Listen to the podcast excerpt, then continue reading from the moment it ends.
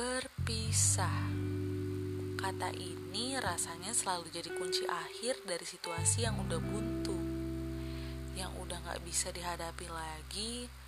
Dan berpisah adalah opsi yang gak pernah ada di pikiran setiap memulai apa pun.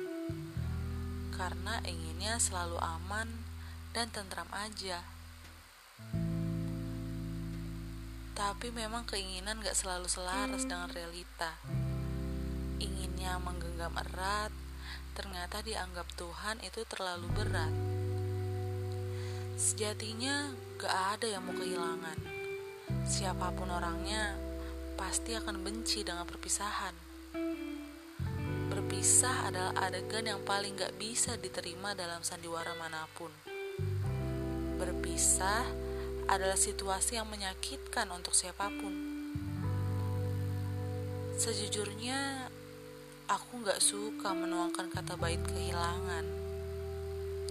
Sulit rasanya untuk menerima ketika kemarin masih aman berjalan, ternyata sekarang cuma tinggal kenangan.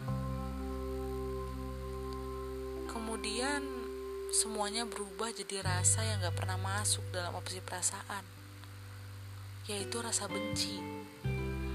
Benci Kenapa harus ada pertemuan yang begitu menyenangkan, tapi pada akhirnya meninggalkan tanpa sepatah kata pamitan?